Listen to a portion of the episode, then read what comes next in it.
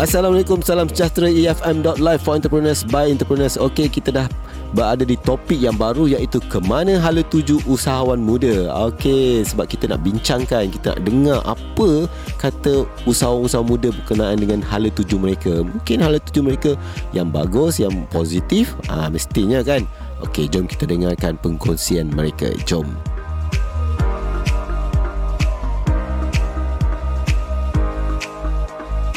EFM.live for entrepreneurs by entrepreneurs masih lagi bersama saya pemilik suara ini Alrizal di Bicara Express dan kita punya tajuk iaitu topik kita iaitu ke mana hala tuju usahawan muda. Okey, sejak kebelakangan ini ramai usahawan muda muncul. Sama ada mereka bermula dengan suka-suka berniaga ataupun mengikut trend ataupun memang betul-betul mereka berminat dalam berniaga ni. Ada jiwa bisnes dalam jiwa mereka. Tetapi persoalannya ke manakah hala tuju mereka dalam berbisnes ini?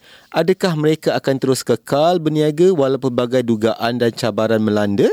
Atau mereka akan cepat putus asa bila bisnes menghadapi masalah ataupun mereka menjadi suam-suam kuku sebab berniaga bukan secara ikhlas, bukan jiwa dan raga mereka. Menurut artikel yang saya ambil dari Institut Usahawan Negara atau INSCAN, iaitu kejayaan yang diimpikan semestinya bermula dari bawah. Okey, maknanya kita kena ada perancangan. Kita kena mulakan daripada bawah. Walaupun begitu, setiap usaha jika dilakukan dengan baik, pasti membuahkan hasil dan kebiasaannya usahawan akan melalui beberapa peringkat sebelum menempuh ke atau menempah kejayaan dan peringkat yang harus dilalui adalah yang pertama saya nak kongsikan dengan anda iaitu peringkat permulaan. Okey, apa dia peringkat permulaan ni? Kebanyakan dari usahawan yang berada di peringkat ini merupakan lepasan ijazah ataupun yang masih belajar maupun diploma yang masih mencari peluang pekerjaan ataupun yang masih belajar lagi. Dan keusahawanan menjadi aktiviti mengisi masa lapang di samping menjana pendapatan secara kecil-kecilan dengan melakukan aktiviti perniagaan. Ada juga usahawan di peringkat ini yang masih bekerja tetapi ingin menambah punca pendapatan. Ha, cabaran menghadapi situasi bekerja sambil melakukan perniagaan ini amatlah tinggi kerana terpaksa membahagikan komitmen kepada dua bidang yang berbeza. Ha, semangat yang berkobar-kobar dan daya juang tinggi perlu ada dalam diri agar usaha di peringkat permulaan ini tidak kecundang di tengah jalan. Okey, itu dia faham kan? Maknanya dalam peringkat permulaan ni kita biasanya akan menghadapi cabaran-cabaran dalam berbisnes ni. Jadi kita kena kuat, kena tabah, kena bersemangat supaya bisnes itu tidak terhenti di tengah jalan. Alright. Okey, yang kedua ni apa pula? Okey, yang kedua ialah pemilik tunggal. Ha, perniagaan menjadi lebih serius dan usahawan mengambil langkah seterusnya iaitu mendaftarkan nama syarikat di bawah Suruhanjaya Syarikat Malaysia atau SSM. Okey, apabila sudah yakin dengan perniagaan yang dijalankan, ada di kalangan pelajar lepasan universiti ataupun yang sedang belajar akan meneruskan bidang ini dan tidak kurang juga yang mengambil keputusan untuk berhenti kerja. Kalau yang dah bekerja tu mungkin bila dia dah nampak dah hala tuju bisnes dia, ah, dia berhenti kerja. Okey, tumpuan 100% akan diberikan manakala segala tugas yang berkaitan tidak kira dari segi teknik pemasaran maupun berhubung dengan pelanggan dilakukan oleh pemilik perniagaan ini berseorangan tanpa bantuan pekerja lain. Maksudnya dia bekerja sendirilah. Dia pemilik tunggal. Dia mungkin tak ada staff dia lagi sebab dia masih lagi di peringkat awalan ni kan. Alright. Dan yang ketiga ni apa pula? Okey, peringkat yang ketiga adalah bos. Anda sebagai seorang bos. Okey, di fasa ini urusan perniagaan pastinya semakin bertambah dan permintaan juga semakin tinggi. Langkah pertama yang perlu dilakukan adalah mengambil pembantu atau pekerja agar peagihan tugas dapat dilaksanakan. Tetapi harus diingatkan kepercayaan tidak boleh diberikan 100% kepada pekerja sebab anda masih lagi uh, nak memahami konsep bisnes anda. Jadi jangan beri 100% kepada kepercayaan tu kepada pekerja lagi. Kita kena pantau, kena tengok, lihat supaya perjalanan kita kita dah faham bisnes tu macam mana duit masuk keluar masuk dan macam mana pemasaran marketing tu dilakukan barulah kita boleh beri sedikit demi sedikit kepercayaan tersebut. Dan yang keempat, CEO. Ha, apa dia CEO ni?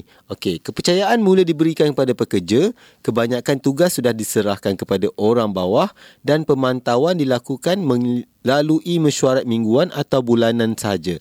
Peringkat ini, usahawan tidak lagi memikirkan cara untuk menjalankan perniagaan. Sebaliknya, tentang perkara-perkara yang lebih besar seperti cara untuk mengembangkan bisnes, risiko yang mendatang ataupun melakukan pelaburan dalam bisnes. Okey, so faham kan? Dan peringkat keempat ni kita dah mula kita fokus pada yang lebih besar. Bukan lagi nak peringkat yang kecil-kecilan sebab kita dah mula percaya pada pekerja kita dah latih mereka mereka dah faham visi dah faham objektif dah faham konsep bisnes kita dan ianya mudah. Tapi dalam masa itu juga kita tidak boleh lepas tangan. Alright. Yang kelima ni saya nak kongsikan iaitu corporate. Ah, apa dia corporate pula? Okey, peringkat corporate.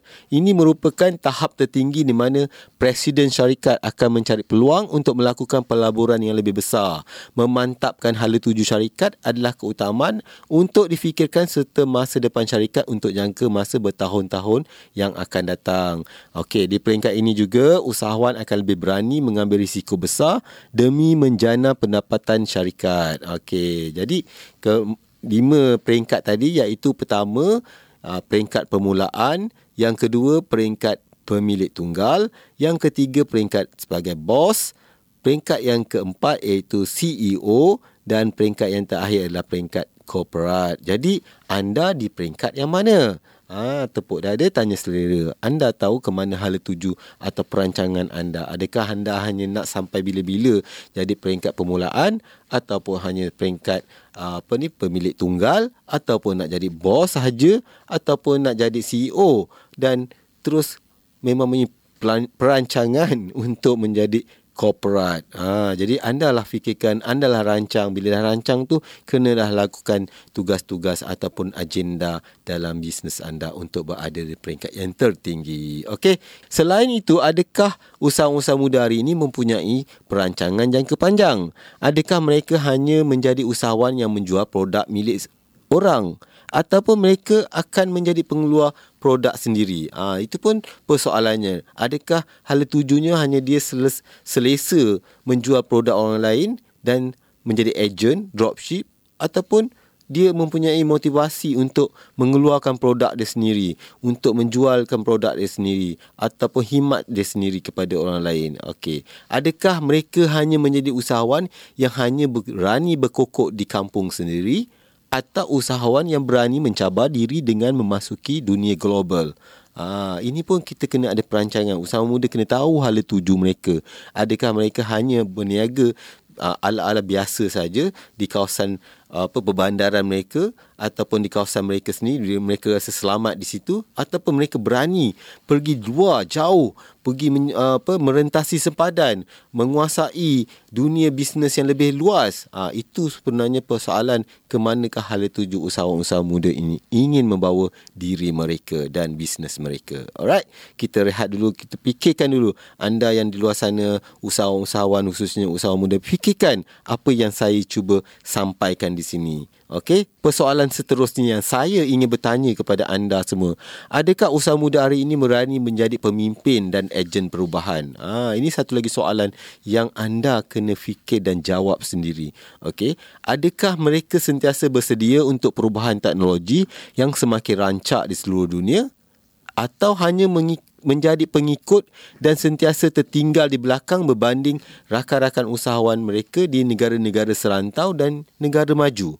Ha, sebab kalau kita tengok ramai usahawan-usahawan di luar sana yang di peringkat global yang berjaya di peringkat antarabangsa, mereka mempunyai uh, menjadi ejen perubahan. Mereka berani menerima teknologi, perubahan teknologi dari masa ke semasa dan mereka tidak takut untuk berdepan dengan sebarang cabaran yang mendatang. Okey, itu persoalannya dan anda kena fikirkan apa yang saya tanyakan tadi. Alright. Jadi inilah sebenarnya persoalan yang sering dibincangkan sama ada di peringkat pembuat dasar seperti kerajaan, agensi-agensi kerajaan dan juga usahawan-usahawan lain yang telah berjaya dan juga yang masih baru.